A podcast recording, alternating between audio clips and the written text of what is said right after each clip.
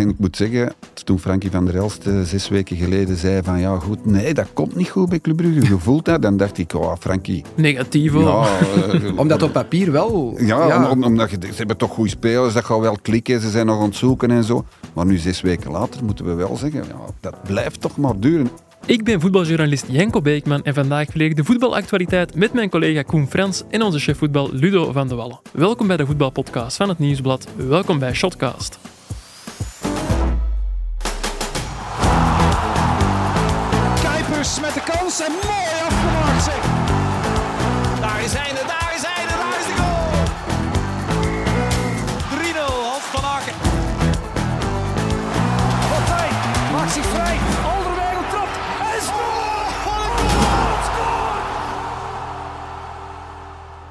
Dag Koen, dag Ludo. Dag Janko. Hey, Janko, Allebei een eh, fijne herfstvakantie gehad.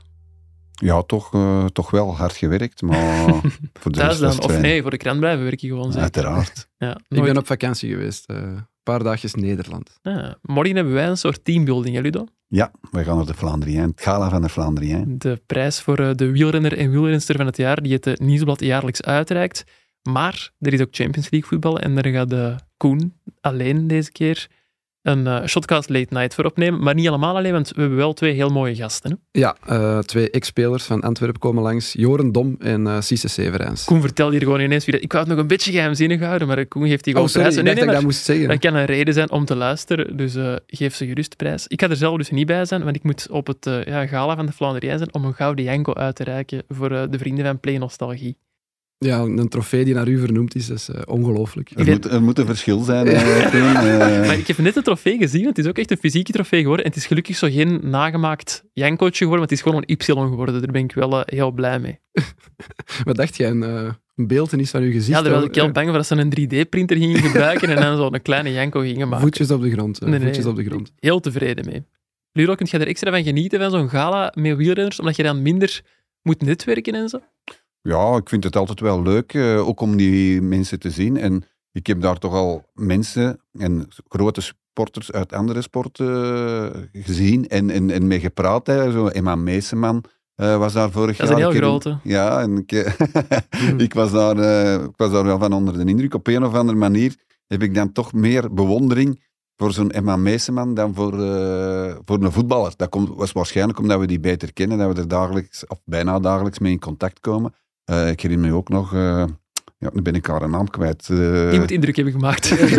ja, nogthans, ik heb een foto van op, op mijn Facebook gezet.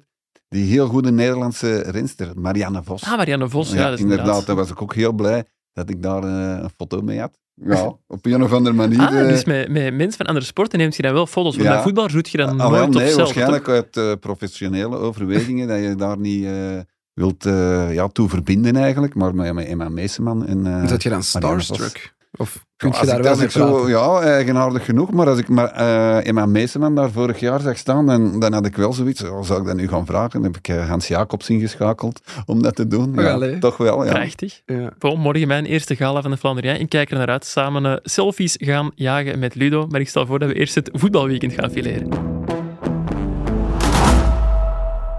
De topper van dit weekend was Union Club Brugge. Een wedstrijd die de Brusselaars wonnen met 2-1. Ludo, hoe lang is het geleden dat we nog een fenomeen als Mohamed Amour hebben gezien in ons land? Ah, ik denk een jaar of vijf. Hè, dan hadden we ook het eh, enorme debuut van Emmanuel Dennis bij, bij Club Brugge, waar we ook allemaal van onder de indruk waren. Mhm. Daarvoor hadden we ook Moses Simon bij AA Gent, die het in die eerste weken ook eh, Ja. fabuleus, fabuleus deed. Dus het is eigenlijk nog niet zo lang geleden. Het is nu afwachten in hoeverre dat Amoura op dat niveau blijft presteren. Maar op dit moment is dat wel eh, ja, oogverblindend, vind ik, hoe dat die jongen speelt. Ja, twee prachtige doelpunten. Eerste omhaal eh, in de eerste helft. Tweede helft was er dan nou ja, die, die sprint tegen Brandon Mechelen, die echt eh, er volledig werd afgelopen.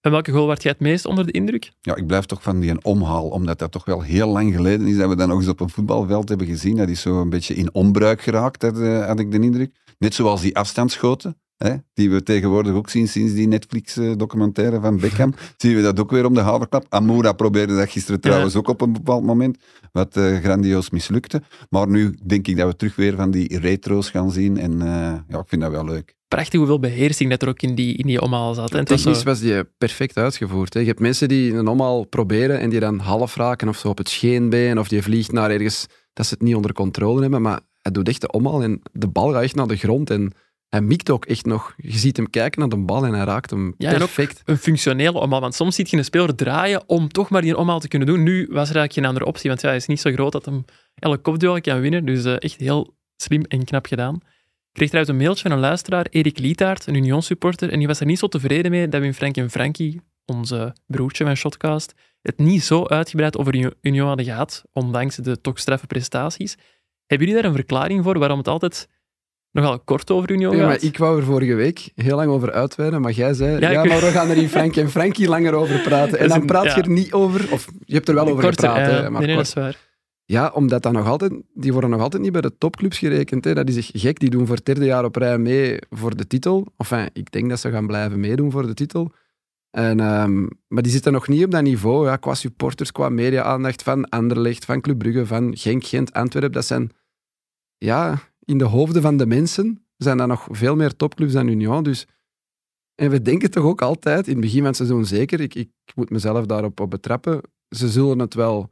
Ja, het zal wel eens een keer stoppen. Eh, dat kan niet blijven duren. Dat, die zin heb ik echt al heel veel gehoord Ja, bij dat, Union. dat, dat gevoel heb ik eerlijk gezegd nu nog altijd. Ja, maar kijk, als je drie jaar op rij doet en elke keer ja, bepalende spelers verliest, elk jaar de trainer verliest, Mhm. en het blijft lukken, dan is het geen toeval meer. En nu durf ik echt niet meer zeggen, die gaan niet blijven duren. Die gaan volgens mij gewoon weer meedoen tot de laatste speeldag voor de titel. Dat kan bijna niet anders. Maar, maar hetgeen wat jij nu zegt, eh, Koen, dat is hetgeen wat Jan Keulemans net de sterkte van Union noemde. Dat, die nog niet altijd belisten. niet serieus worden genomen. Dat die nog altijd... Die het is, het is underdog-rol kunnen maar Union. Als Union naar Kortrijk gaat, dan is dat voor Kortrijk niet hetzelfde als dat Club Brugge komt of dat Anderlecht komt. En dan zijn ze niet zo opgeladen. En dat is volgens Jan Keulemans, toch een heel verstandig eh, voetbalman, is dat de reden waarom dat Union altijd nog meedoet. Goed, ze zijn natuurlijk wel goed ook, uiteraard. Ze vinden het zelf ook wel leuk, had ik dit weekend in de krant gelezen. Zo Burgess en, ehm, en, en eh, Blessing, de coach zelf, ja, laat ze maar niet over ons praten. Ze vinden dat niet erg. Hè. Eh, uiteraard,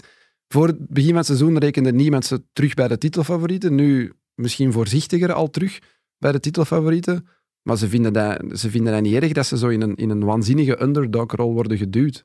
Het zal misschien inderdaad hun alleen maar beter maken. Mhm. Alexander Blessing blijkt trouwens ook een luisteraar van Frank en Frankie, want we hadden het in die aflevering van donderdag ook- over het feit dat eh, Frankie niet fan is van coaches die een pit op hebben. En, en ja, coach mag toch wel een, een kostuum aan hebben, niet altijd in jogging. Dat was ook wel de mening van eh Frank en Frankie. En Alexander Blessing kwam eh, zondag in Brussel aan met een kostuum. Dus Frankie stuurde meteen een bericht in onze WhatsApp-groep. Blessing heeft geluisterd. En bij de aftrap had hij plots een, eh, een, terug zijn trainingsvest aan en een pet de op. ja. Dus we waren al verbaasd van, allee, je is nu toch gewisseld. En blijkbaar, ik heb het nagevraagd, heeft Union een eh, deal met een eh, Brussels kostuummerk, een, een kledingmerk. En moeten ze een aantal wedstrijden per seizoen in kostuum aankomen in het stadion. Maar wilden dat dus niet aanhouden voor de wedstrijd. Wat dat ook niet verplicht is voor de sponsordeal. Ik ben nu oprecht de naam van het merk vergeten. Sorry aan de mensen van Union die hadden gehoopt dat we extra reclame konden maken. Toffe mens toch, hè? Alexander Blessing ook. De interviews, de manier waarop hij op die persconferentie komt, op alle vragen antwoordt. Ja, hij heeft op, op totaal geen, geen gevoel om zich te onderscheiden op een of andere manier. Hij is gewoon 100% zichzelf. Hij komt ook de, de perszaal binnen. Hallo iedereen. Goed, hij heeft dan wel gewonnen, dan kan je wel vrolijk zijn. Ronnie Dela zag ik daar ook even staan, die was, die was minder, minder eh, minder vrolijk. Dus ja, hij is gewoon zichzelf en... en ja, hij heeft, hij heeft dan ook een vraag gesteld, of was het Valerie, ik weet niet meer, over Amoura, waar hij dan ook niet wilde over Nee. praten. En hij was echt, oh ja, goed, dat is, niet, dat is niet aangenaam voor ons, dat hij er niet veel wilde over zeggen. Maar ja, hij wilde niks over zeggen, dus zegt hij er ook niks Nee, over. hè. hij zei van, ja, wie is er de beste? Ronaldo of Messi? Dat kunnen we toch ook niet kiezen? En ik zei, ja, Messi is toch de beste? En hij heeft hem toch nog iets gezegd over Amoura, gelukkig. Dus, eh, en ook, dat vond ik ook opvallend, op, eh, tijdens het tv-interview ehm, kreeg hij een vraag over, ehm, over Club Brugge en zei ineens uit zichzelf, ja, het is voor mij ook de eerste keer dat ik win van Club Brugge. Terwijl dan de normale coaches altijd gaan zeggen, ja, het moet niet over mij gaan, het moet over de ploeg gaan, maar gewoon hij wel over zichzelf. En dat vond ik ook wel iets Ja, maar je hebt toch niet het gevoel Nee, dat hij heel nee. veel met zichzelf bezig Dat is met humor ook. Ja, maar Ja, dat ja. ook. Dat is Ik heb er bij. Oostende maar twee keer tegen Ja. gespeeld. Dus het was nog maar de derde keer dat hij tegen Club Brugge als trainer het opnam. Het was dus eigenlijk humoristisch bedoeld. Dat denk, Denk ik het wel. Het was ja. bij een glimlach. Een groot verschil tussen Club Brugge en Union Zondag was toch ja, het verschil in, in drive, in, in beleving. Hoe komt het dat bij Union wel altijd lukt om met zoveel drive aan een wedstrijd te beginnen, met zoveel overgave, en bij sommige andere topclubs, in dit geval Club Brugge, niet? Dat zijn toch ook mensen die goed betaald Ja, ik worden? heb, dat, ik heb dat al veel gezegd. Hè. Bij, Club, bij Union zitten een paar spelers die dat onge- ongelooflijk goed managen. Daar ben ik 100% zeker van. Ik denk dan aan die doelman, Maurice. Ik denk aan Burgess. Eh, de vorige jaren was Teun Madder vol- volgens mij bij. En op een of andere manier is die ploeg altijd klaar voor elke wedstrijd. Zo is één keer eh, dat ze dan verliezen Mhm. met 4-0 op KV Mechelen, geloof ik. En eh, ze zijn vorig jaar ook eens zwaar verloren ergens, maar ik weet niet meer waar. Maar dat is zo één keer dat dat gebeurt. Maar voor de rest zijn die altijd klaar om een match aan te vatten. En ik denk dat dat toch ook aan die spelers ligt. Want we hebben nu drie verschillende trainers gehad. Dus je kon eerst nog denken motivatiekoning Ja. Mazou, people manager Karel Gerrits, maar nu met Blessing lukt dat ook. Dus dat, ligt, dat zit echt wel in die spelersgroep. En die spelers zullen waarschijnlijk op basis daarvan ook worden gekozen. Hè. Om een walgelijk woord, ja, Sorry, om een zeg maar. walgelijk woord te- is dat het DNA van Union. Worden die spelers effectief daarop gescreend? Je moet veel inhoud hebben, je moet altijd met overgave spelen. Nemen die dat mee in hun scouting? Dat, dat kan bijna niet anders. Als je nu ziet die van Auto, zo'n Castro Montes, Mhm. dat, zijn, dat zijn mannen met inhoud. Mannen, mannen met lef, mannen die gewoon ja, 90 minuten gaan. En dat lijkt of die vinden altijd de juiste profielen om die mannen, zoals een Thuma, zoals Luno zegt, die gaat dan weg. Ja, die vinden dan gewoon mannen die daar mee die ploeg op sleeptouw nemen en, en mee die een drive brengen. Maar het is wel schrijnend, denk ik, om te zien als Club Brugge-fan dat die spelers dat totaal niet hebben. Of, totaal, of je, je weet ook dat Union zo gaat spelen, dat die zo op het veld gaan komen. En om er dan zo weinig tegenover te, te zetten, dat is, wel, ja, dat is wel pijnlijk om te zien. Zouden de premies er ook iets mee te maken hebben? Dat Union lagere lonen betaalt dan andere clubs en dat ze meer afhankelijk zijn van die winstpremies? Dat is iets wat ik al wel vaker heb gehoord. En Dat geloof ik niet op dat niveau. Dat die, dat die extra hun best doen in een wedstrijd, omdat ze dan meer kunnen verdienen. Ja, het Dat- feit dat je toch moet winnen om die premie nog te kunnen hebben, ja, ik geloof wel dat dat In meespeelt. provinciale misschien, maar... Ik denk op dat niveau ook. Ja, maar die basisloon zal ook al wel... Dat zal niet even hoog zijn als bij Anderlecht of Club Brugge, het zal- van ons, maar Ja, voilà. Ik denk niet dat die spelen voor geld. Die spelen echt gewoon voor hun eergevoel en, en, en voor iets met Union te bereiken. En, en om hun carrière te lanceren. Hè. Veel van die spelers komen naar Union wetende dat dat een opstapje kan zijn naar ja, een mooie carrière in Europa of elders. Zina van Zijr bijvoorbeeld. Ik denk dat dat wel meespeelt. Het feit dat die daar dan extra geld voor zouden krijgen, denk ik niet. Ja, ik heb eerlijk gezegd nooit voor ge- geld gevoetbald. Eh ja, twee niet keren zo voor 500 frank dat ik kreeg per wedstrijd. Maar ik heb dat toch ook nooit gevoeld dat dat eh, nu een extra drive was. Omdat je zegt op lager niveau kan dat wel meespelen. Maar ik, denk- ik, ik denk dat eerlijk gezegd ook niet. Het zijn gewoon dat type spelers dat ze hebben. Alleen spelers die nu aan de oppervlakte komen, die Puertas, die nu een van de beteren is bij, bij Union, die vorig jaar een heel jaar op de bank heeft gezeten.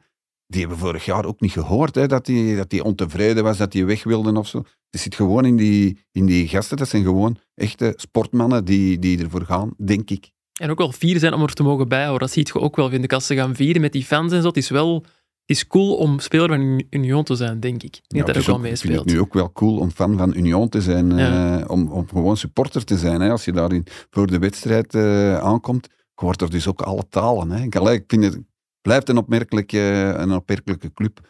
Maar het stadion begint nu toch wel een beetje... Zeker in de eh, winter is het een pak minder fijn dan eh, Ja, op een en, ook alles, hè, zomeravond. Janko, wij zaten er in die perszaal. Die perszaal die is niet groter dan deze studio. Iedereen zit er op, op, op elkaar. Die camera's moeten daar dan nog ook bij staan. Ja, dat, dat heb ik nu wel stilletjes aan wel Maar daar willen ze zelf ook vanaf. Hè. Dat, Ja, ja, dat tuurlijk, beseffen ze zelf tuurlijk. ook. Voor De perschef eh, Maarten Verdood zei het ook bij het begin van de persconferentie. Welkom in de meest gezellige eh, persconferentieruimte van België. En hij heeft gelijk. En dan moest je ook denken van Ronnie Deijl heeft dat net verloren met Club Brugge. Zeer zure wedstrijd. En je moet dan daar binnenkomen waar er echt twintig journalisten op uw neus zitten. Letterlijk bijna. Hij Ja, zal het er niet zijn zo weinig gezellig... plekken ja. waar het ongemakkelijker is dan op Union, denk ik dan. Ja, dat is inderdaad. Hij zal het niet gezellig gevonden hebben. Waar ging het mis voor Club Brugge? Was het alleen een gebrek aan drive? Goh, veel spelers ook zoekende. En ja, Ronnie Deila ook zoekende. Hè. Die drie wissels na minuut 55, dat was eigenlijk aangeven van... Goh, ja, ik weet het hier ook niet meer. Eh, die eerste tien minuten van de tweede helft was, was ongezien. Ik bedoel, die werden van het kastje naar de muur gespeeld. Mhm. Het is eigenlijk absurd dat het niet 2-0 stond en na vijf minuten na die een driedubbele wissel Club Brugge uit het niets 1-1 eh, wist te maken. Toevallig dan een van die mannen die er is ingekomen met een hele chique goal, eh, Maxime de Kuiper. Maar ja, hij wisselt zoveel. Ik denk dat hij ondertussen al begint te denken, moet ik misschien Van Aken eens op de 6 of de 8 zetten? Hij schuift daar zoveel en ja, dat, dat in combinatie met dan, ja, die drive die er niet is, dat vertrouwen dat bij bepaalde spelers volgens mij heel laag is. Ehm, ik, ik vond Scovolse gisteren ook zo futloos ogen. Eh, die spitsen die dan roteren, dus eh, lopen die over van het vertrouwen. Je zou nu denken, Jutgla na die, na die knappe goal tegen, tegen Antwerpen wel, maar ja, heb je die gezien gisteren? Ik heb die Nee, nee. precies een heel match niet gezien. amper bereikt. Ja, dus Nee, maar ik denk, Ja. Janko, jij was ook op de persconferentie, ik weet niet wat jouw indruk was, dat hij het ook echt niet meer Nee, wist. Hè. Dat wil ik ook net zeggen. Van, bij Antwerpen was het voorbije weken ook mini-crisis. En had Van Bommel altijd wel een uitleg. En hij zei van, ja, we creëren te weinig kansen, maar we staan wel goed en dit soort dingen. Bij Dijla had het niet echt een verklaring, was het meer een uitleg van, ja, de mentaliteit was niet goed. En op een gegeven moment zei hij zelfs, we verdienden meer vandaag. En als je dat dacht na die wedstrijd, dan klopt er iets niet, denk ik. Nee, nee, Nee. maar ik, ik, heb, ik heb inderdaad ook de indruk dat hij zo'n beetje in het eilen eh, aan het Mhm. praten is.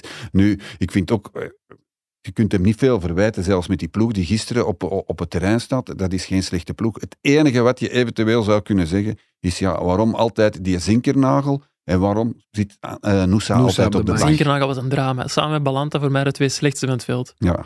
eh, Balanta, daar zeiden we vorige een paar weken geleden nog van, ja, dat is de man die ze misschien wel nodig hebben. De waan van Maar- de dag. Nee, maar in dezelfde zin zeiden we dan toch ook wel, maar binnen twee weken zeggen we weer, ja, ik kan niet mee qua, op, qua voetballend vermogen. Wat wel, wat wel bewezen is. Maar dat Noosa altijd maar op die bank zit en, en eh, Zinkernagel dan speelt, dat snap ik eerlijk gezegd niet. Goed, er is misschien iets wat wij niet weten qua data of, of, of, zo, maar als ik dan hoor, ja, ze willen de hype rond Noosa, eh, Noosa een beetje, beetje temperen, Mhm. ja, dan denk ik, nee, speelt gewoon met je beste spelers en, eh, en zorg dat die, dat, dat- die jongen speelt. Want misschien is het daardoor ook wel, want gisteren was zijn invalbeurt ook niet bijzonder. misschien is het wel daardoor dat hij minder wordt. Hè, want eh, om- dan iemand van de ver- voetbalvergadering daar juist eh, voetbal, eh, te parafraseren, die zei van ja, van op de bank te zitten word je ook niet altijd beter. En dat denk ik ook wel. Nee, ja, maar ik denk zelfs gisteren als Noosa had gestart, hadden ze volgens mij nog verloren. Ik denk niet dat dat het... De de Zinkernagelwissel voor Noosa alleen... Het verschil tussen de twee ploegen was veel groter dan, dan dat. En dat, dat is toch straf. Maar ik heb gisteren nog eens gecheckt. Ze brengen Thiago en Vetlesen in. Die kosten samen meer dan heel die Ja. ploeg van Union die in de basis stond. En dat is gewoon... Club Brugge zijnde, in zijn volledigheid als club, is gewoon enorm pijnlijk. Ik heb dat schaamteloos gestolen van Koen in mijn uh, krantenstuk gestoken. Ah, geen credits gegeven. Nee, maar ja, dat is Eh, toch... Janko, we hebben nog niet veel goede ideeën gehad. We hebben er al heel veel gestolen. Nee, maar dat is toch wel een pluim voor de scouting van Union, wat we hier bijna elke week doen. Maar ook, eh, ja, eens in eigen boezem kijken. Niet alleen naar de trainer wijzen, niet alleen naar de spelers wijzen, maar gewoon Club Brugge in zijn totaliteit. Nog eens ja, even terug van een wit blad beginnen of zo. Want het is nu al twee jaar op rij dat zo, eh, ja, zo-zo is. En ik moet zeggen, toen Frankie van der, Wee, van der Elst eh, zes weken geleden zei van ja goed, nee, dat komt niet goed bij Club Brugge. Je voelt dat, dan dacht ik, oh Frankie. Negatief Ja, eh, Omdat op papier wel... Ja, om- omdat je, ze hebben toch goede spelers, dat gaat wel klikken, ze zijn nog aan het zoeken en zo. Maar nu, zes weken later, moeten we wel zeggen, ja, dat blijft toch maar duren. Hè. Ze hebben dan die, die overwinning, die drie overwinningen op rij. Iedereen denkt, ja goed, nu is het zover. En dan gebeurt er eh, zoiets. Allee, zoals dat gezegd, Koen. Het is misschien niet alleen de nederlaag, maar het is vooral de manier waarop. In dat, Ja. dat, dat vierde kwartier, dat was ja, schrijnend. Dat was Pijnlijk om te schrijnend. zien. Ja. Ik heb hier ook nog... Ze hebben vijf matchen gewonnen op dertien en ze staan nu gewoon dichter bij de laatste dan bij de eerste. Ik weet niet hoe lang dat, dat geleden is voor Club Brugge na 13 speeldagen. En als Standaard gisteren in die laatste minuten, goed, die hebben niet goed gespeeld Standaard, maar in die laatste minuten geen doelpunt tegenkrijgt van KV Mechelen, staan ze naast Club Brugge. Standaard, Die waarvan we ook ja. zes weken geleden zeiden van Standaard, dat is degradatievoetbal. Het is de mooiste competitie van de wereld, Ludo. Ja, ik, eh, Pro. De ja. spannendste. De spannendste. Nee, maar het is wel nee, leuk absoluut. als je Nee, de eerste er mee, zeven maar- ploegen ziet, die kunnen allemaal, die kunnen allemaal nog kampioen worden, bij wijze van spreken. Hebben we aanwijzing dat Ronnie Deila moet vre- vrezen voor zijn job ondertussen? Ik, niet, heb Ik heb persoonlijk. dat gevoel ook totaal niet eigenlijk. Nee, ik zou het ook wel erg vinden eigenlijk, want dan zitten ze aan de zesde trainer in twee jaar. Dat is misschien voor een, ploeg, voor een club als Club Brugge, waar we tot voor eh, en- enige tijd toch zei, fantastisch goed geleid. Dat zou toch wel eh, een blamage zijn om dan nog eens van trainer te wisselen. Dus ik denk dat ze verder moeten met Deila. Ik zei het daarnet al, voor mij waren Zinkernagel en Balanta de slechtste spelers van het veld. Ik heb toevallig ook de spelersbeoordelingen mogen geven voor de krant, voor het nieuwsblad. Hoeveel hadden die Eh, dan? Een drie of zo? Die hebben allebei een 3 op 10 gekregen. Ja, Ja, omdat ja, ik, ja, ik wilde meerdere mensen buizen, maar ik vond Zinkernagel ook nog slechter dan Skof Olsen. Die heb ik uiteindelijk niet gebuist, want ik, had, ik stuur bijvoorbeeld, dat is misschien leuk voor de mensen om te weten, voor ik eh, de punten geef, stuur ik die ook altijd door naar een paar andere mensen, waaronder onze chef voetbal, die ook op de wedstrijd aanwezig was. En die zei van, ja, Skof Olsen mag van mij toch een puntje meer krijgen, want die heeft al heel veel stampen te verduren gekregen en dat telt toch als een verzachtende omstandigheid. En ik vraag het ook omdat, ik weet niet of jullie dit weekend de column van Hans van de Wegen hebben gelezen in De Morgen. Ja, ik heb ze gelezen, ja. Ja, die ging over de, de voetbalverslaggeving en dan ook een heel groot deel ervan ging over de spelersbeoordelingen die wij geven. Ludo, wat vond jij ervan van de column? Ja, zeg misschien eerst even wat hij... Ja, ik heb hem Ja, niet gelezen. Ik zei. zal een paar zinnetjes eruit lichten. Die punten zijn zijn. gereinste journalistieke waanzin. In de realiteit zijn die punten een 1-2'tje of een 1-2-3'tje tussen de aanwezige leden van eenzelfde redactie. Uit de punten valt af te leiden wie in welke kleedkamer voor welk medium de bron is. Het volstaat om de punten te vergelijken en je tekent zo de lijntjes uit. Zoals er ook een oorzakelijk verband is tussen een mooi weekendinterview en de punten vooraf en achteraf. Ja, Hoeveel is er waar, Ludo? Ja, Janko, ik denk dat eh, het beste bewijs hier recht tegenover mij zit. Dat is Janko Beekman, die de punten heeft gegeven. Mhm. Die voor de rest geen enkel lijntje heeft in Club Brugge, want hij is niet eens Nee. Club Brugge-watcher. Dus die punten zijn op een, op een ja, normale manier gegeven. En ik ga ervan uit dat die altijd op een normale manier worden eh, gegeven. Nu goed, eh, het is een interpretatie van eh, Hans van de Wegen.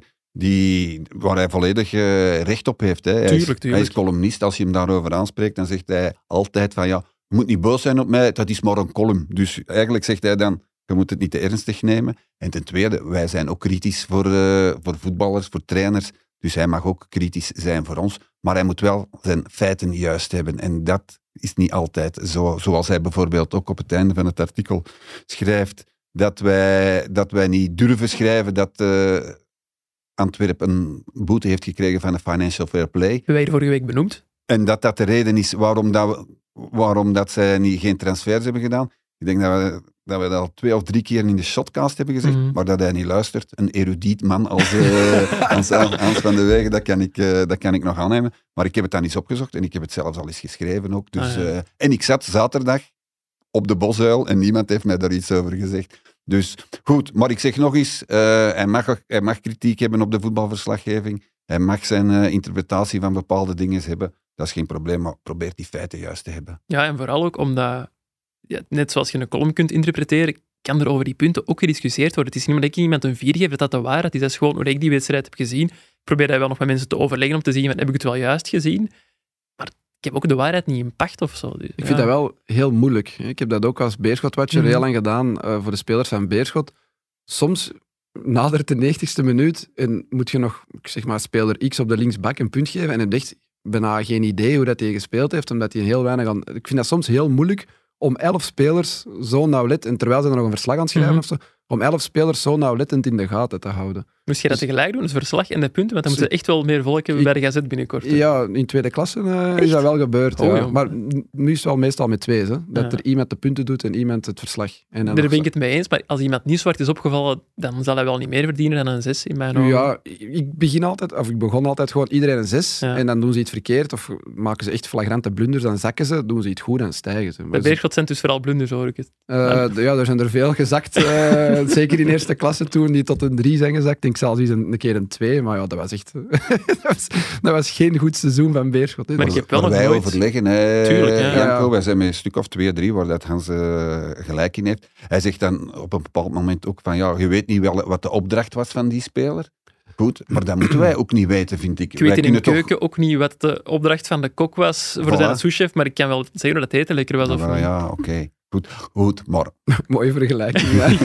Ik heb die gestolen van Peter van den denk Ik, ik heb die ooit eens ergens gehoord. Maar... je kan, je kan toch gewoon kijken van, ja, ik vind dat hij goed speelt of ik vind dat hij niet goed speelt. Dat is nu eenmaal subjectief. Ja, tuurlijk, tuurlijk. En ik heb ook, dat wil ik er nog aan toevoegen, en dan zullen we het terug over voetbal hebben, nog nooit het gevoel gehad van, ah ja, die ga ik nu geen vier geven, want dat vind ik wel een toffe gast of zo. Ik bedoel, als ik iemand slecht vind, dan geeft hij die een slecht punt. En als hij daar niet mee kan leven, dan denk ik ook niet echt dat dat iemand is waarmee ik heel veel zou- contact moet hebben per Ik vond dat se. zelfs gemakkelijker. Ik moet maar eens vragen. Ik had een heel goede band met Frederik Frans, geen familie bij mij, en ik heb die echt heel veel gebuist. Je mocht dat, mocht dat echt aan Frederik, die vindt dat zelf niet erg. Eh, Maar ik vond dat zelfs gemakkelijker.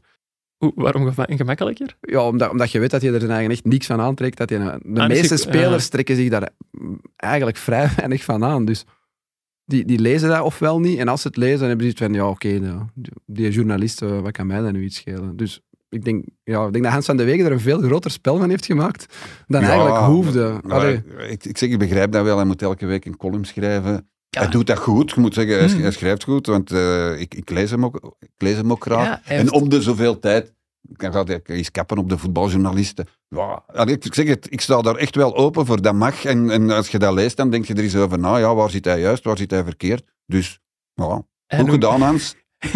hij, noemt, hij, had het ook over, hij had het ook over, chef, over de chef voetbal. Maar ja, er zijn er eigenlijk maar twee in Vlaanderen. En die noemde hij een soort deus ex machina.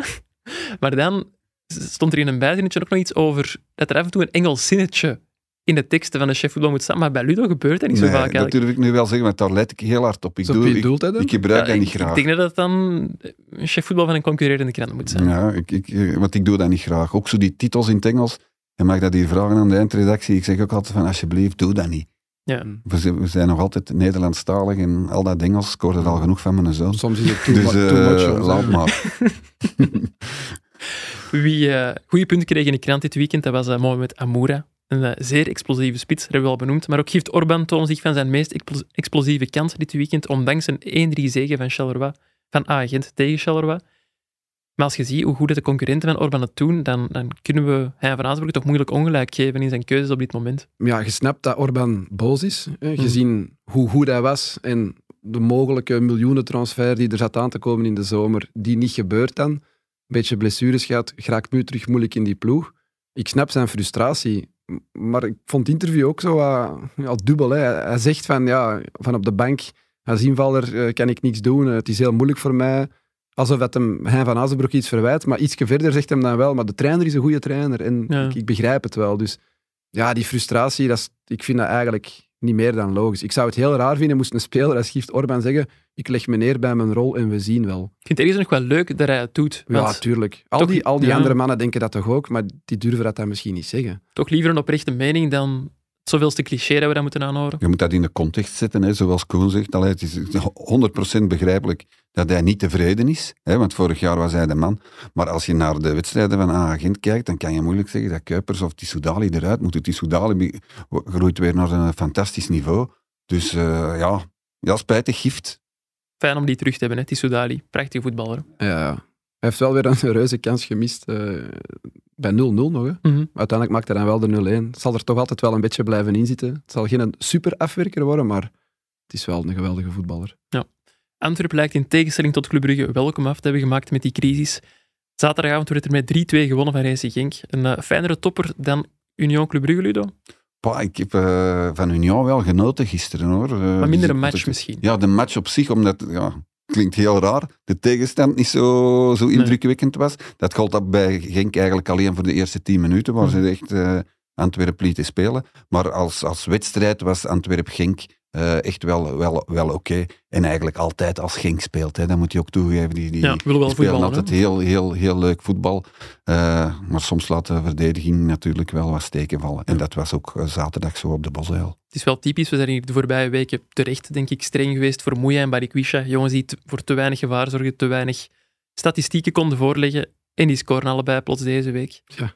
Tegen Lierse en tegen Racing dit weekend. Hoe komt het nu eigenlijk dat Antwerpen dit weekend plots wel uit de verf kwam? Volgens jullie? Ja, dat is moeilijk te verklaren. Hè. Zoals we bij Deila zeggen, hij zoekt en hij wisselt veel. Doet Van Bommel dat heel weinig. En dan hebben we al van gezegd, ja, hij zou eens moeten wisselen. En nu, ja, nu spelen ze een fantastische eerste helft. Met opnieuw diezelfde elf gasten als de voorbije weken. Dus ja, hoe, kom- hoe komt het dat hij nu ineens, nu ineens... Bij Balikwisha is het wel... Ja, die kan zo zijn matchen hebben. Het is altijd een jongen van hoogtes en laagtes geweest. Ja, want dat was nu zijn honderdste match. Ik heb eens gezien, hij was bij 30 doelpunten betrokken. 21 goals, 9 assists. Dus één op de drie matchen. Maar vaak heeft hem zo twee goals en een assist in één match. Dus Ja. er zijn heel veel matchen dat je die niet ziet, of dat je daar weinig aan hebt, zal ik maar zeggen. En als dat dan te lang duurt, is dat frustrerend. En is de, de roep om iemand anders logisch. Maar als je hem natuurlijk laat staan en er komt nog eens zo'n match aan, ja, dan kun, nu kun je hem weer drie, vier matchen laten staan. Eh, ook al ligt hem geen statistieken voor. Dus eh, maar het, is, het is een geweldige voetballer. Bij Moeja vind ik het nog iets anders. Dat heb ik hier al een paar keer gezegd. Die vind ik, ja, die is al iets ouder. Ik denk dat hij twee of drie jaar ouder is dan, dan Balikwisha. En ja, dat vind ik echt een vis nog vlees, flank aanvaller. Eh, maar ja, die speelde ook gewoon een hele goede eerste helft. En die doet ook goede dingen Mhm. bij momenten. Dus ja, hoe komt het dat het er nu wel uitkwam? Ja, en Jans hetzelfde. Die scoort dan hoeveel matchen op rij? Niet. Tien. En, was tien al? Tien, Ja. ja. Ja. En dan nu scoort hij terug. Ja. Ik denk dat die gasten dat zelf ook niet kunnen uitleggen. Ja, want ik denk dat Van Bommel ook kijkt zo van naar hun werkkracht. En dan kun je van zeggen van eh Balikwisha werkt altijd Ja, wel. ja, Hè? ook Ook, als hij defensief, slecht ja, speelt. ja. hè. Mhm. Eh, Ja. Moeja uiteraard ook. En, en, en Vincent Janssen ook. Hè? Ook zaterdag heeft hij geloof twee of drie ballen van de lijn eh, weggeveegd. Dus ja, ik denk dat Van Bommel daar ook wel naar kijkt. Daar kijken wij en de supporters daar misschien een beetje minder naar. Van ja, eh ja, is het een aanvaller, die moet aanvallen, die moet laten zien. Ik denk dat Van Bommel op dat vlak ook wel eh, rekening houdt met, met, met hun spe met Dat vind ik bij. Balikwisha heel, heel straf. Want als je die op het eerste zicht bezig ziet, dan denk je, ja, dat is een technisch verfijnde flanka. Maar die doet veel defensief werk. Die knapt echt veel op, die komt veel terug. Ehm, ja, dat is misschien iets dat je dan minder in cijfers eh, uitgedrukt ziet, waardoor dat mensen sneller roepen van, ja, zet eens een andere flankaanvaller daar.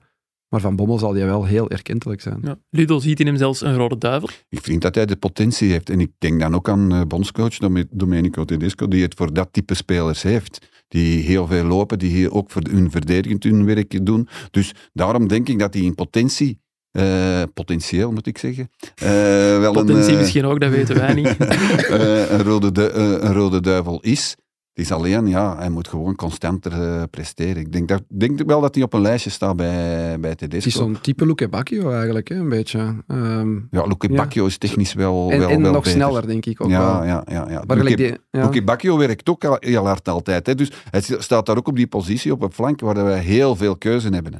Dus dat is ook wel het nadeel voor, eh voor Balikwisha, denk ik. Absoluut. Geloven nu na die overwinning van Antwerpen dat ze morgen, dinsdag, kunnen stunten tegen Porto? Eh, moeilijk, want ik las net voor de opname dat Buté en Alderweireld niet mee naar Porto gaan. Dat er twee 17-jarigen mee in de selectie zitten. Eh, het enige waar ze een beetje vast aan, aan hebben is Porto heeft dit weekend thuis verloren van de laatste. 0-1 tegen Estoril. In Dus het Conceição kan, heeft van zijn oren gemaakt, heb ik ook gelezen. dus eh, het kan, maar ehm, Ja, dat- Porto is quasi zeker van, van overwintering in de Champions League als ze winnen. Dus die gaan er alles aan doen om die match te winnen. En dan zonder Alderweireld en Buté. Ja. Ik denk dat dat verlies tegen die laatste net slecht nieuws is. Dat, eh, dat die mannen eh, van zullen zijn. Ze hadden beter met, met, met, met 5 of 6-0 gewonnen. Dat ze dachten van, oh ja, en op Antwerpen is het ook gemakkelijk gegaan, dus daar zullen we ook wel tegen winnen. Nu denk ik dat die Conceição kennende, dat die die mannen wel zal eh, hebben wakker Maar- geschud. ja, het is toch een beetje bijzaak ondertussen al geworden. Was ze daar, allee, je wilt daar nu geen pak voor de broek krijgen, want dan neemt je misschien mee naar de competitie. Maar ik denk dat die nu allemaal zo wel iets hebben van... Ja, we- dat is ingecalculeerd dat we, daar, dat we daar niks gaan rapen. En alles dat we daar rapen is, is ja, fantastisch. Misschien is dat net wel een fijner manier van voetballen, inderdaad. hè, Dat er minder moeten.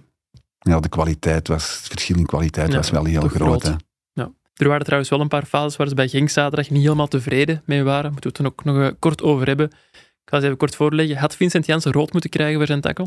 Had gekund, vind ik. Eh, Hij heeft het niet gekregen, maar het had gekund, zeker. Want het was eh, redelijk in- intens. En het was zeker niet eh, om de bal te raken. hè. Maar gevraagd had hij het moeten krijgen? Dat denk ik niet. Nee. Dus ik denk dat geel kan ook. En dan gaat de VAR niet tussenkomen. En dat is wat er is gebeurd. Oké. Maakte Koulibaly een penaltyfout op Brian Heijnen? Ja, dat wel, denk ik. Ja. Ja, ik vond het raar. Ik, eh, als je het in de, op de gewone snelheid bekeek, dan da- had ik het gevoel van nee.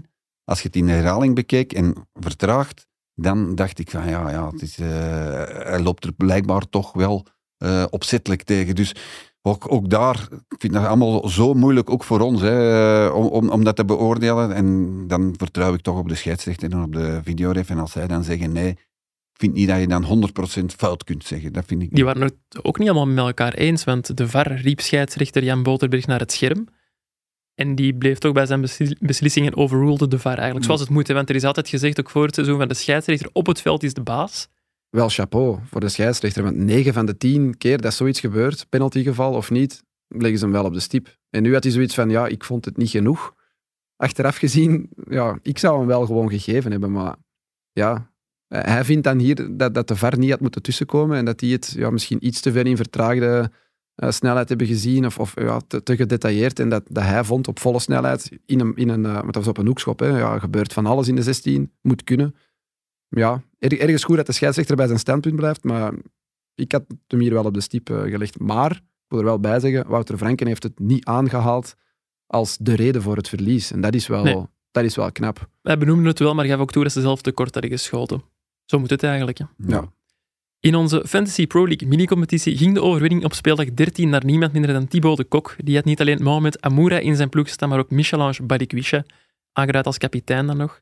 Ja, dan weet je dat het moeilijk wordt voor de rest. hè. Ja, Ook voor ons, hè, Koen. ik heb het gezien, hè, ja. uit de top 100 gevallen terug. Ja, Maar ik- allebei. Ja, maar ik sta wel twee punten boven u. Hè. Dan heb ik volgend weekend iets te Ja, bewijzen. ik denk 104 en 109 of zo. Maar Wim is gestegen, had ik gezien. Wim Konings, Die staat dicht bij de top 10. dat is een collega van ons. Ja. Die staat op plaats 13. 13. Ja. Dat zijn eh, cijfers die kunnen tellen.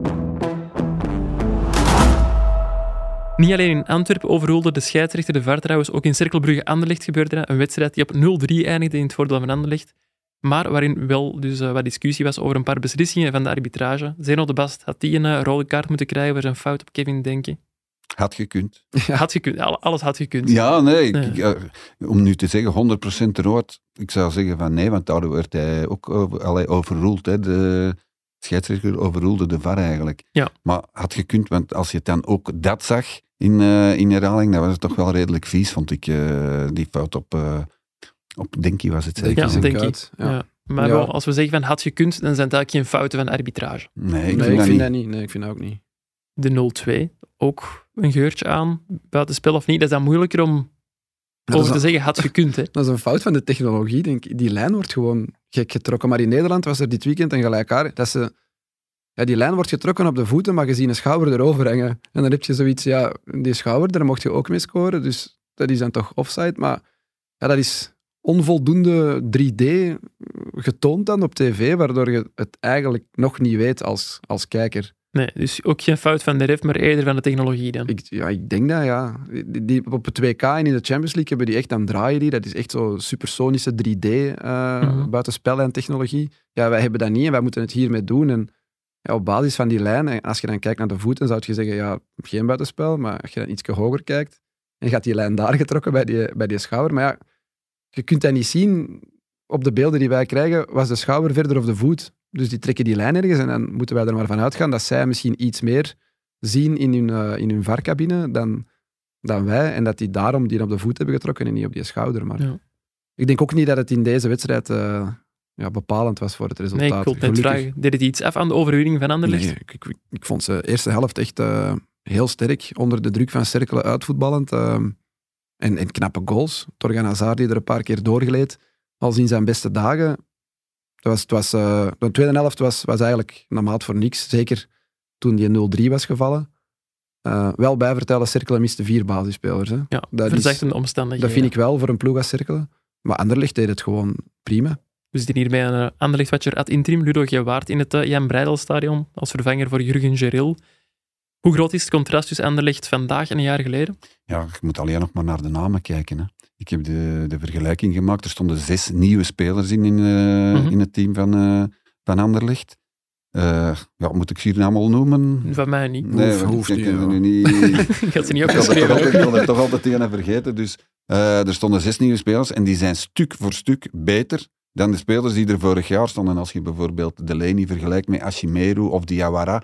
Uh, ja, Rits vergelijkt met Ashimero of Diawara. Ja, die, die zijn gewoon beter. Je hebt er dan nog Torgan Hazard die op, uh, op niveau komt. Je hebt Dolberg, hè, die een bal, die valt daar. Je mag het vragen aan, de, aan uh, onze Anderlecht-watcher die naast mij zat. Anderlecht-watcher, Wout, Wout Libijn. Ik zeg, die bal die valt daar, ik zeg, dat is binnen. Gevoeld, ja, die gaat scoren. Juist hetzelfde met Draaier. Dat is bijvoorbeeld iets wat je niet hebt bij Club Brugge. Als ja, Scott Volsen aan de baklijn komt en hij kan met zijn linker aanleggen, dan kun je zeggen van ja, die kan er wel zien. Maar, als, dat heb je bijvoorbeeld bij, bij Club Brugge helemaal niet met Jude Klaar of, of, Thiago. En dat maakt natuurlijk ook wel het verschil. Hè. Die scoren dan op, op dat moment en dan, uh, dan zijn ze niet meer uh, te stoppen. En dan een ploeg als Cirkel inderdaad, met vier spelers die er niet bij zijn, vier basisspelers, niet de minste die ze missen, die kunnen dat dan niet meer, niet meer rechtzetten. Dus ik was wel uh, onder de indruk van, van Anderlecht. En Torgan Hazard begint terug ja, te spelen zoals hij... Ik heb hem nu bij Dortmund niet zo, zo heel goed gevolgd, maar zoals hij speelde bij Zulte Waregem in der tijd. Hè. Hij is overal, hij loopt heel veel, hij is heel goed aan de bal. Ja, het, uh, Echt het spelmaker. Ja, en, en dan krijg je toch weer het gevoel van ja, die jongen, is te goed, die jongen is te goed voor de Jupiler Pro League. Ja, volgens René van der Rijken, onze huisanalist en toch een ex-bondscoach, kunnen de Rode Duivels binnenkort niet meer om Torgan Hazard heen. Zijn jullie het daarmee eens? Ja, de plaatsen worden duur. Hè. Hazard, Balikwisha, het wordt daar drummen op de flank. Ja, het is altijd op die flank. Hè. Dat is Ja. natuurlijk door het systeem dat hij speelt. In de tijd onder Martinez was uh, Torgan Hazard was hij eigenlijk wingback, hè, meestal op de linkerkant. Dan, uh, nu spelen ze een 4-3-3, waardoor hij hoger zou moeten spelen. Ja, en dan heb je daar natuurlijk Bakayoko, Doku, die het niet zo slecht doet bij Manchester City. Komt zelfs nog, ja. heb ik vernomen. Dus, uh, Maar hij speelt in die 4-3-3 van Anderlecht ook nu. Ja, staat hij op papier links, maar dan zie je hem heel veel rechts. Tegen Strikkelen vond ik hem ook heel veel vanuit de centrale positie, mee het spel bepalen. Dus dat is Ja. wel zo'n speler die je dat je daar kunt zitten. Misschien bij afwezigheid van De Bruyne, ik weet het maar iets op, daar hebben we toch ja, een beetje naar liggen zoeken van wie zetten we dan daar. Misschien dat hij dat kan doen. Ehm, Volgens Frank Raas moet Hans van Aken daar komen. hè? Ja, Hans in van afwezigheid van eh, Kevin De Bruyne. Ja, ik vind dat ook wel. Ik vind ook wel van alle Belgen die het dichtst aanleunen bij, eh, bij Kevin De Bruyne, is, dat, is, is Hans van Aken. Dat, Mhm. En dat verbaast me ook wel dat Tedesco hem zelfs de laatste keer niet, meer heeft opgeroepen. Dus eh, ik weet niet of dat Torgan Hazard dat... eh, Ja, of zo van op de flank beginnen en dan toch ook wel wat centraal opduiken. maar hè. vorige week heeft eh, onze tacticus op de redactie, Wim Konings, Konings. Een, heel, een heel goed stuk geschreven over, eh over Anderlecht in de tactiek en de positie van, Eden, eh, van Torgan Hazard, waar het vooral over ging. En is dat hij naar die rechterkant komt om daar een overtal te creëren. En hij zal dat waarschijnlijk ook eh, gisteren regelmatig hebben gedaan. Ga dat lezen, dat stuk, zou ik zeggen. We heb hebben het al vaak over... Oh, sorry. Nee, Ik- zeg het maar. Ik heb nog één cijfer over die match van Anderlecht gisteren. Ze hadden hun laagste passing percentage. Maar dat is eigenlijk wat je moet doen tegen cirkelen. Hè. Een Ja. beetje mee in die kick-and-rush gaan. Ze hebben ook veel meer lange ballen getrapt dan anders. Flankveranderingen en zo. Dus ja, in het begin hebben we hier wat gelachen met Riemer. En, en ja, ons afgevraagd, is dat wel de juiste man op de juiste plaats? Maar je moet nu zeggen, je moet het zeggen zoals het is. Tactisch stond Anderlecht perfect in die match. Die hebben dat perfect gedaan tegen een ploeg waar de andere topploegen het toch wel echt lastig tegen hebben gehad. Mhm. Een paar weken terug is Gent daar gaan verliezen. Anderlecht heeft het toch maar gedaan. Zonder in de problemen te komen, zijn die daar gaan winnen. Dus eh, bij deze ook een kleine eh, steun of lof aan eh, Brian Riemer. Ja, Ria Riemer. niet alleen veel over Riemer gehad, ook over Fredberg, over het feit dat hij in de tribune zit met Ja, maar zelfs wel Fredberg, ik, nu vraag ik mij dat af. Hè, van, want, eh, zou die Fredberg daar ook tegen Riemer over bezig zijn? Je moet zo spelen, je moet zo spelen. Tactiek? eh, goh, Ik Dat- vraag, dat ik vraag niet me zeggen. af. Dat durf ik niet zeggen, maar ik vind Nee. wel, hij heeft wel een straffe ploeg op poten gezet, Fredberg. Ja, ja, ja, hij heeft, hij heeft heel goed werk toen. Na, het- na het einde van de transferperiode had ik zo nog wat mijn reserves eigenlijk. Van ja, de Delaney en, en, en Schmeichel en zo. Wat is, dat, wat is dat allemaal? Zijn die misschien niet over de top? Maar als je het nu ziet, dan kan je, kan je alleen maar de pit eh af, en met een positieve transferbalans. Hè. Dat ik in september toen die ploeg, Ja. helemaal, die hebben een positieve transferbalans van bijna 10 miljoen euro. Ja, dat is natuurlijk En dankzij die ploeg Bart is Verbrugge. hè. keisterk. Ja, uiteraard, maar je ploeg is veel sterker dan vorig jaar en je hebt een positieve transferbalans. Dan Ja. heb je gewoon goed gewerkt. Inderdaad. Het ging net over de Rode Duivels. Jeremy Doku deed dit weekend opnieuw van zijn gesprekken met liefst vier assists en een goal voor Manchester City tegen Bournemouth. Maar wie nog meer indruk maakte op Domenico Tedesco, dat is onze chef voetbal. Want Ludo, jij hebt eh, de bondscoach vorige week gesproken. En ik zit mee in een WhatsApp-groep met onder meer Bart Laga, Christophe Liberlo, collega's van de Standaard en Belang van Limburg. En ik zag er ook wel dat zo'n interview, dat er heel veel geregeld is. over. Want ja, meerdere media spreken hem dan, wanneer mogen we dat publiceren? En jij zet dan blijkbaar toch de verbindingsfiguur tussen de bond en de media. Ja, waarschijnlijk omdat ik eh, de, moeilijkste oudste ben en al, eh, het, langste, het langste meedraai. En omdat ik, ja, in alle bescheidenheid ook altijd wel direct die, proberen, die zaken probeer aan te pakken. En niet van, ja, wat gaan we doen en dit en dat. En, en dan komt je met een voorstel en dan, dan werkt dat, allee, dan draait dat meestal wel goed uit. Dus nu was het zo dat het interview eh, al meer dan een week geleden was afgenomen. Mhm. Ik geloof dat het op eh, vrijdag was, ja. Ah, twee, ja, Ja, tien dagen geleden Ja, al tien bijna. dagen Ja. geleden ondertussen. En dat, we, dat de embargo was tot zondagnacht, 12 uur. Van datzelfde weekend. Van datzelfde weekend. Ja. Omdat zij nog tijd wilden hebben om het interview na te lezen. Een embargo dat is het moment eh, waarop een interview of een artikel pas mag verschijnen voor de mensen die totaal niet, Ja, ja, eh, niet mee zijn. En- Goed dat je het uitlegt, de-. Dat, dat wij het op de online mochten publiceren, eh, zondagnacht. Maar ja, dat was natuurlijk waanzin. We hadden vorige week, eh, zaten we met al die toppers eh, in de Belgische competitie. Dan moesten we dat interview online geven. Dat kan dan wel op zondag. Maar dan zit je nog met wedstrijden van zaterdag. Mensen zou, zou, de impact zou veel minder groot geweest zijn. In de maandagkrant trouwens ook. En dan was het voorstel eh, om het gewoon goed uitgebreid te kunnen geven op vrijdagavond. Op, de, op het moment dat het journaal begon. Zowel Mhm. op, de, op de VTM als op VRT online dan en dan in de krant op zaterdag. En ik denk dat dat goed is uitgedraaid. Iedereen heeft zich keurig aan de afspraken gehouden. En eh, op deze manier had het interview toch meer, meer impact, denk ik. Dat is goed voor ons, maar dat is ook goed voor Tom- Domenico Tedesco, die echt wel zijn, De zijn ruimte verhaaltjes krijgt om. doen. Ja, ja, inderdaad. En hoe gaat dat dan? Jullie dan met 15 mensen rond de tafel om een Nee, interview nee, te dit was allemaal eh, apart. Ah, per, eh, eigenlijk per persgroep. Dus eh, de, de DPG had, had een interview en wij hadden het dan met ons gedrieën met de Belang van Limburg, de Standaard en, en, het Nieuwsblad. Daar is nog wel wat discussie over. Maar ik denk niet dat dat niet de plaats is om daarover Nee. eh, over uit te wijden. Daar zijn andere plekken voor. en wat hebben we geleerd uit het interview? Komt het nog goed met Thibaut Courtois? Ik heb er een heel slecht gevoel bij, uh, Janko. Ik hoop van harte dat het goed komt. Mhm. Maar het feit dat uh, Thibaut Courtois uh, niet antwoordt op een sms waarin uh, Tedesco hem beterschap wenst en zegt van ja, goed, ik hoop dat het allemaal terug snel in... Dat vind ik toch wel een beetje raar. Uh, de bal ligt in het kamp van Courtois en Courtois moved niet. Nee, maar dat, dat stond is... letterlijk in het interview. De bal ligt in het kamp van Courtois en dat hebben ze eruit gehaald. maar we hebben dus, het toch gezegd. ja. de, de, bal ligt dus niet okay, in het in, Maar of in het nu in het interview Courtois. stond of niet, dat kon je er wel uit afleiden dat de bal in het kamp van Courtois ja, ligt. Tedesco ja, heeft gezegd, wij hebben eigenlijk alles gedaan om terug ja, maar samen te werken. zeggen, uh, Tedesco heeft dat niet letterlijk gezegd, hè, de bal ligt in het kamp van, uh, okay. van Courtois. Dat was eigenlijk een, een, een, ja, een deductie. En daarom moeten ze het ook nalezen. En dan, Ja. heeft, en, en dan hebben ze gezegd, nee, nee, nee. Dat mag er niet in. Dat, dat staat er niet in. Dus ik denk dat er van de voetbalbond uit nog wel stappen zullen komen, maar dat het toch zo stilletjes aan uh, het gevoel wordt van, ja jongens, uh, nu hebben we toch al veel gedaan. En het feit dat het uit het kamp van uh, Courtois Stil blijft. stil blijft, Ja. vind ik toch ook wel raar. Toby Alderweireld, kan die zijn uh, zomervakantie al boeken?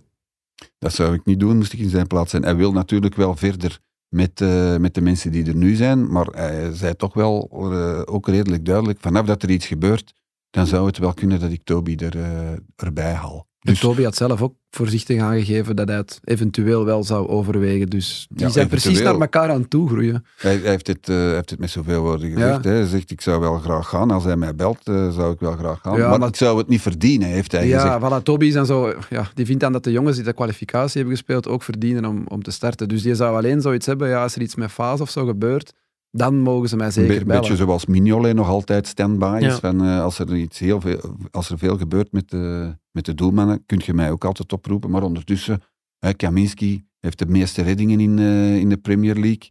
Uh, we hebben Davy Roef, onze Penaltypakker. Is, strafschopspecialist. Je kunt er maar drie Dus- meenemen. Hè, ja. Dus ik denk dat het eerder Alderweireld zal zijn die wordt opgeroepen dan, uh, dan Mignolet. Eh, dan, ja, dan Mignolet en Van der Voort trouwens, die mag ik ook niet vergeten. Die Nee, er inderdaad. Die moeten we ook uh, nog noemen. Over trainers wil ik het ook uh, nog even hebben. Glinde Boek die heeft zijn stylist, ondanks een paar zeer rare keuzes, nog niet ontslagen. KV Mechelen deed dat wel met Steven de Voer. Snap je die beslissing?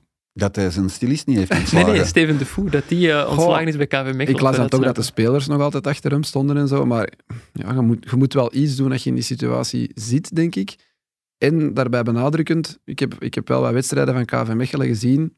Naïef is misschien niet het, het juiste woord, maar ik denk dat de Voer een, soort uh, voetbal uh, wil spelen, of wilde spelen met KV Mechelen, dat op dit moment niet aan de orde is. Uh, als je daar staat, moet je gewoon punten pakken, no matter what. No matter what. Hij spreekt alleen als Ludo. Sorry.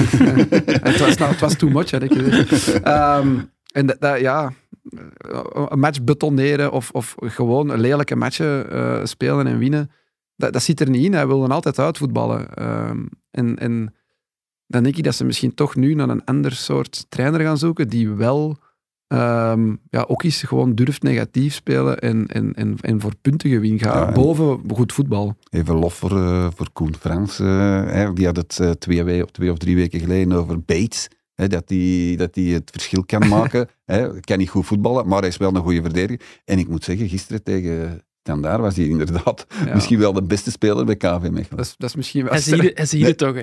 Ja, nee, dat is, nee, nee, dat is maar... wel straf uitgedrukt, maar... Uh, maar die was toch goed, Koen? Maar dat is zo'n speler, denk ik, waar dat ze mee kunnen hij wil blijven. toegeven, hè? Ja, nee, ja, nee want die, ik, vind, ik vind dat zelf ook geen goede voetballer. Nee, dat nee omdat hij niet goed kan voetballen. Ja. Maar een verdediger... moet ja, kunnen verdedigen. kunnen verdedigen. En dat deed hij gisteren toch wel goed. En trouwens, over dat mooie voetballen... Ik, ik zal je nog eens lof ja, toezwaaien. merci, Rudo, merci. Um, maar over goede voetbal, ik las dat de, de, nieuwe trainer van, van OA Leuven dat ook wilt. Dus die wil mooi voetbal spelen. Ik denk, nee, je staat van onder, je moet gewoon punten pakken. Maakt niet uit hoe, kijk naar de boek. Je moet gewoon punten pakken. De en, nieuwe coach van de Wajalis trouwens, Oscar Garcia, ja, ex-Brighton en Olympiakos. Dat is de opvolger van Mark Brijs. Ex-speler van Barcelona. Ex-speler van Barcelona. Ja, nog een paar voorspellingetjes uh, ah, wel, ik, wilde het net, ik wilde het net, net vragen, Ludo. Jij hebt juist, voor, allez, niet voorspeld, maar wel de voorzet gegeven om de boek aan te stellen als trainer van KW Kortrijk. Wie moet er overnemen bij KW Mechelen? Ik, ik weet dat we hier gaan zeggen, uitkomen. Hij zal het waarschijnlijk niet doen, maar ik, allez, ik zie de, de, de werking eigenlijk. Hè. Uh, de eigenaar van KV Mechelen is dezelfde als die van Helmond Sport. Ah. En dan denk ik misschien aan Bob Peters, maar ik heb hem uh, over laatst nog gespro gesproken. En hij, had het toch, was toch vooral in die Nederlandse competitie, amuseerde hij zich heel goed. Dus ik weet niet eens of dat hij het zou doen, of dat ze hem hebben gevraagd. Maar dat is, dat is een mogelijkheid, denk ik. Bob Peters is zo wat... Ja, als ik dat ga zeggen, dat gaat hem niet graag horen, maar zo wat hetzelfde type als uh, Glinde Boek.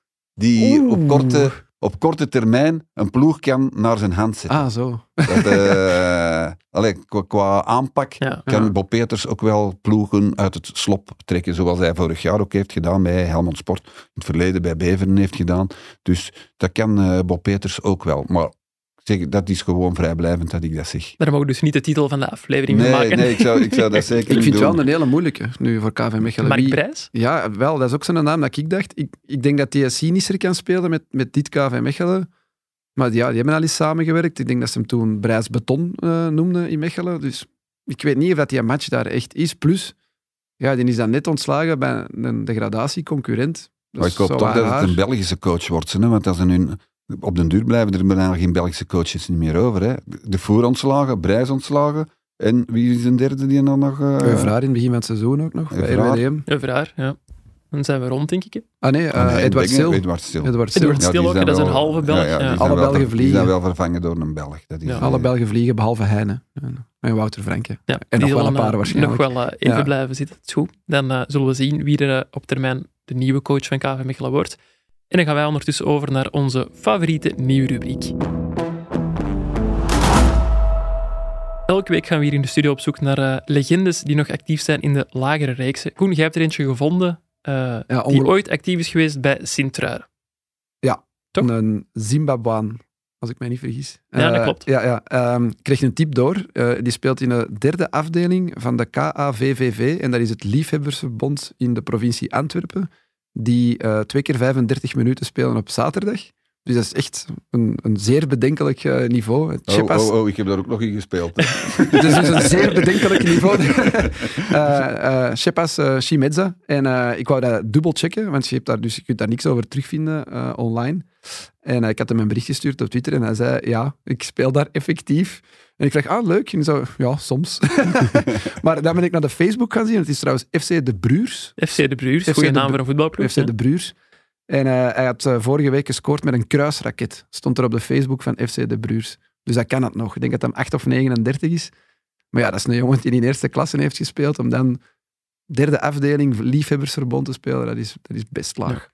Heb nog twee inzendingen gekregen van luisteraars, twee Hervé's toevallig genoeg. Emil van de Kerkhoven laat weten dat Hervé Cagé nog bij KVV Zelzaten voetbalt. Toch een eh, bekende naam. Iets minder bekend is Hervé Onana. Eh, die zou nog voetballen bij derde provinciale herleving Waasland, liet Floren Leffeburen weten. Waar heeft hij nog gespeeld? Ja, Hervé Onana? Onana? ik ik heb het hier even opengezet. Die heeft onder meer bij Union gespeeld, wel in de lagere reeks, bij Waasland Beveren, bij Sint-Truiden en ook bij Paralimniu in, eh, op Cyprus. Hmm. De Het is, vandaar, het is vandaar dat ik hem ken. dan. Dan is Hervé Cagé toch iets eh, bekender. Ik moet trouwens ook mijn excuses aanbieden bij onze collega Thomas Franke, KV Mechelen-watcher. Die is hier een eh, paar weken geleden ook ter sprake gekomen na zijn doelpunt Hij heeft weer gescoord voor dit weekend. Noord. heeft dit weekend we- Mhm. weer gescoord. En eh, ik ben aangesproken door ploegmaat van Thomas. Want ik was deze week Club Brugge-watcher aan het interim. Ik was er dus ook tijdens de, de bekerwedstrijd op Beerschot. Ik heb hen daar zeer geamuseerd, moet ik zeggen. De, de Beerschot-fans hebben zich van hun eh, beste kant laten zien met eh, ja, toffe, ludieke acties, met ja, gejuich bij de 06 zelfs nog. was echt eh, tof om te zien. Maar ik werd tijdens de rust dus aangesproken, of ja, aangeroepen eigenlijk. Ik zat te werken aan mijn verslag op de perstribune. En ik hoor plots nogal luid, Janko, Janko. Dus ik ja, schrik uiteraard. En er vragen ineens twee mannen, mogen wij een foto? Dus dat gebeurt nu. Shotcast wordt dus echt beluisterd door mensen en soms vragen mensen een foto. Ah, dat wordt echt Ja. beluisterd, dit. Ah. En ik zeg, ja, ja, doe maar. En ik draai hem nergens waarom. Maar ja, dat gaat niet van op een perstribune een foto trekken. Dus ik verlaat de tribune, ik ga met die mensen op de foto. En die zeggen, ah, we zijn ploegmaat van Thomas Franke. En dat is eigenlijk echt, echt wel een goede voetballer, zeiden ze er meteen bij. Oké, op de foto, ik ga terug op mijn plaats zitten. En die mensen komen vijf minuten later terug voorbij en die roepen opnieuw, Janko, Janko, hier, dat is voor u. En die reiken mij een pintje aan. Maar ik denk ook van, ja, ik zit hier nog een helft te werken op de beerschot. Ja, je kunt dat niet maken om dan tijdens het werk bier te dat drinken. kan niet. Dat kan niet. Dus ik heb eh, dat pintje zeer beleefd aan mij laten voorbij gaan en het eh, toch maar niet gedaan. Flink, hè? En gebeurt dat veel zo, dat je zo op selfies moet... eh, Op Westerlo. Nee, nee, dat- oh, toen we daar veel op Westerlo niet. waren, voor dat etentje, Het is wel de eerste keer dat ze mij bier hebben aangeboden. En het was Ja, zeer sympathiek, maar ik ga bij deze zeggen, het lag niet aan hun, het lag aan mij dat ik het heb afgeslagen. ja, of biedt het bier aan na de match, dan kan het misschien wel. Dat had inderdaad nog gekund, ik was zo goed als te, te voet. Want trouwens, Beerschot, zeer toffe ploeg, die fans, top, maar persparking onbestaande. Ah, mobiliteit is een, een ramp. Nee, Ja. nee, ik kwam altijd met de fiets. Of te voet. De man van het stadion dossier, dus hè, als we dan streng kunnen zijn over een stadion, dan laten we dat niet na. Over Beerschot en 1B gesproken, Koen. 1B is eigenlijk de echt tofste competitie ter Ja, wereld, toch? we zeggen hier vaak, Jupiler Pro League, is, ah, spannendste, sorry, nee, ik moet zeggen Challenger Pro League, Ja. want Lorin Parijs luistert ook soms mee. Jupiler Pro League, spannende competitie, maar dat is niks in, vergelijking, in vergelijking met de, met de Challenger Pro League. Het verschil tussen de eerste en de negende is vier punten. Hmm. Dus het was gisteravond nog Club Next eh, Beerschot. Als Club Next won, kwamen ze op één punt van de eerste plaats. En ze zijn eh 0-2 verloren, Club Next, tegen Beerschot. En ze staan negende. Dus dat is... eh, en het is echt gek, want de eerste twee stijgen rechtstreeks. En dan is het de derde tot de zesde, maar dat kunnen echt nog... Want de ploegen daaronder staan ook niet ver. Het is eh super spannend. Iedereen laat daar punten liggen. En ik denk, nog geen enkele ploeg heeft meer dan de helft van de matchen gewonnen. Iedereen naar 1B, zou ik zo zeggen. Nee.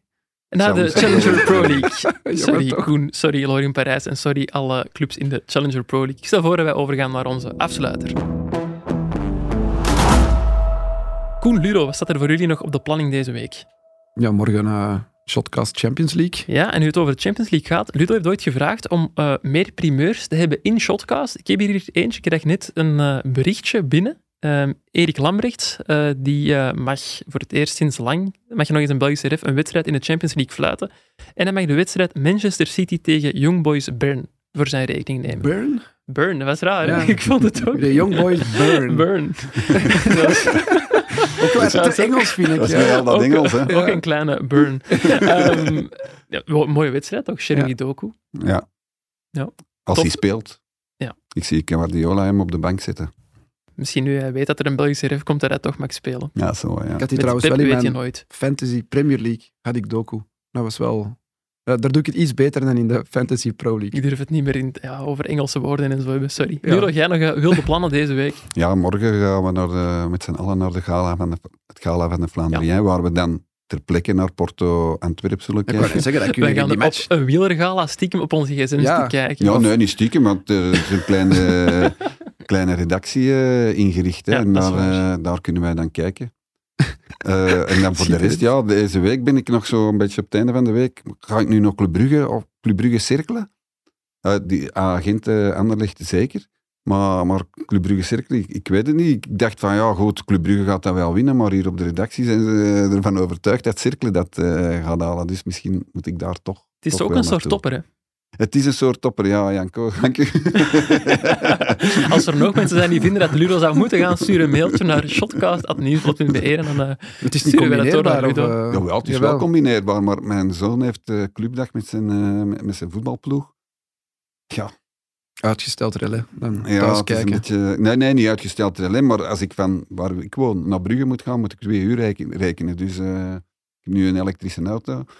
moet ik onderweg nog opladen waarschijnlijk. Dus eh, miserie, miserie, Ja, miserie. Het is niet gemakkelijk zoals je voetbal ja, zijn. hè. Het is echt eh, een het is hondenstiel. echt, echt wel zwaar. Echt wel heel zwaar. We hebben vrijdag ook nog een... Ja, dat is totaal niet relevant. We hebben ook nog een teambuilding vrijdag, de redactiedag heet dat. Dat is ook altijd eh, zeer fijn om onze collega's beter te leren En kennen. Ja, zaterdag ook niet nog. En daar ging ik nu reclame Ah, voor maken. Ja. Zaterdag is er het eh, podcastfestival van de Standaard in Oostende. En daar nemen wij met Shotcast live een podcast op samen met de vrienden van Mid Mid en Coolcast Sport en een paar bekende vrienden die we gaan meebrengen.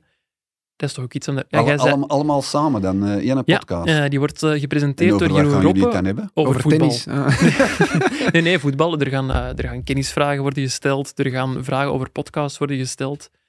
En eh, ja, dat is iets om naar uit te kijken. Dat doe ik Mm. toch alleszins. Ik ook. Dan eh, stel ik voor dat we... Ik wou nog vragen wie onze vriend is. Wie nemen wij mee? Of is dat een eh, verrassing? Ja, eigenlijk wel. Maar eh, Oké, nee, dan zeggen we onze vriend is nog geheim. en ik stel voor dat we dat nog eh, even zo houden. Goed, dat was het voor vandaag. Merci Koen, merci Rudo, bedankt cameraman Seba en aan Elisabeth voor de montage. En aan de mensen, merci om te luisteren en tot dinsdag.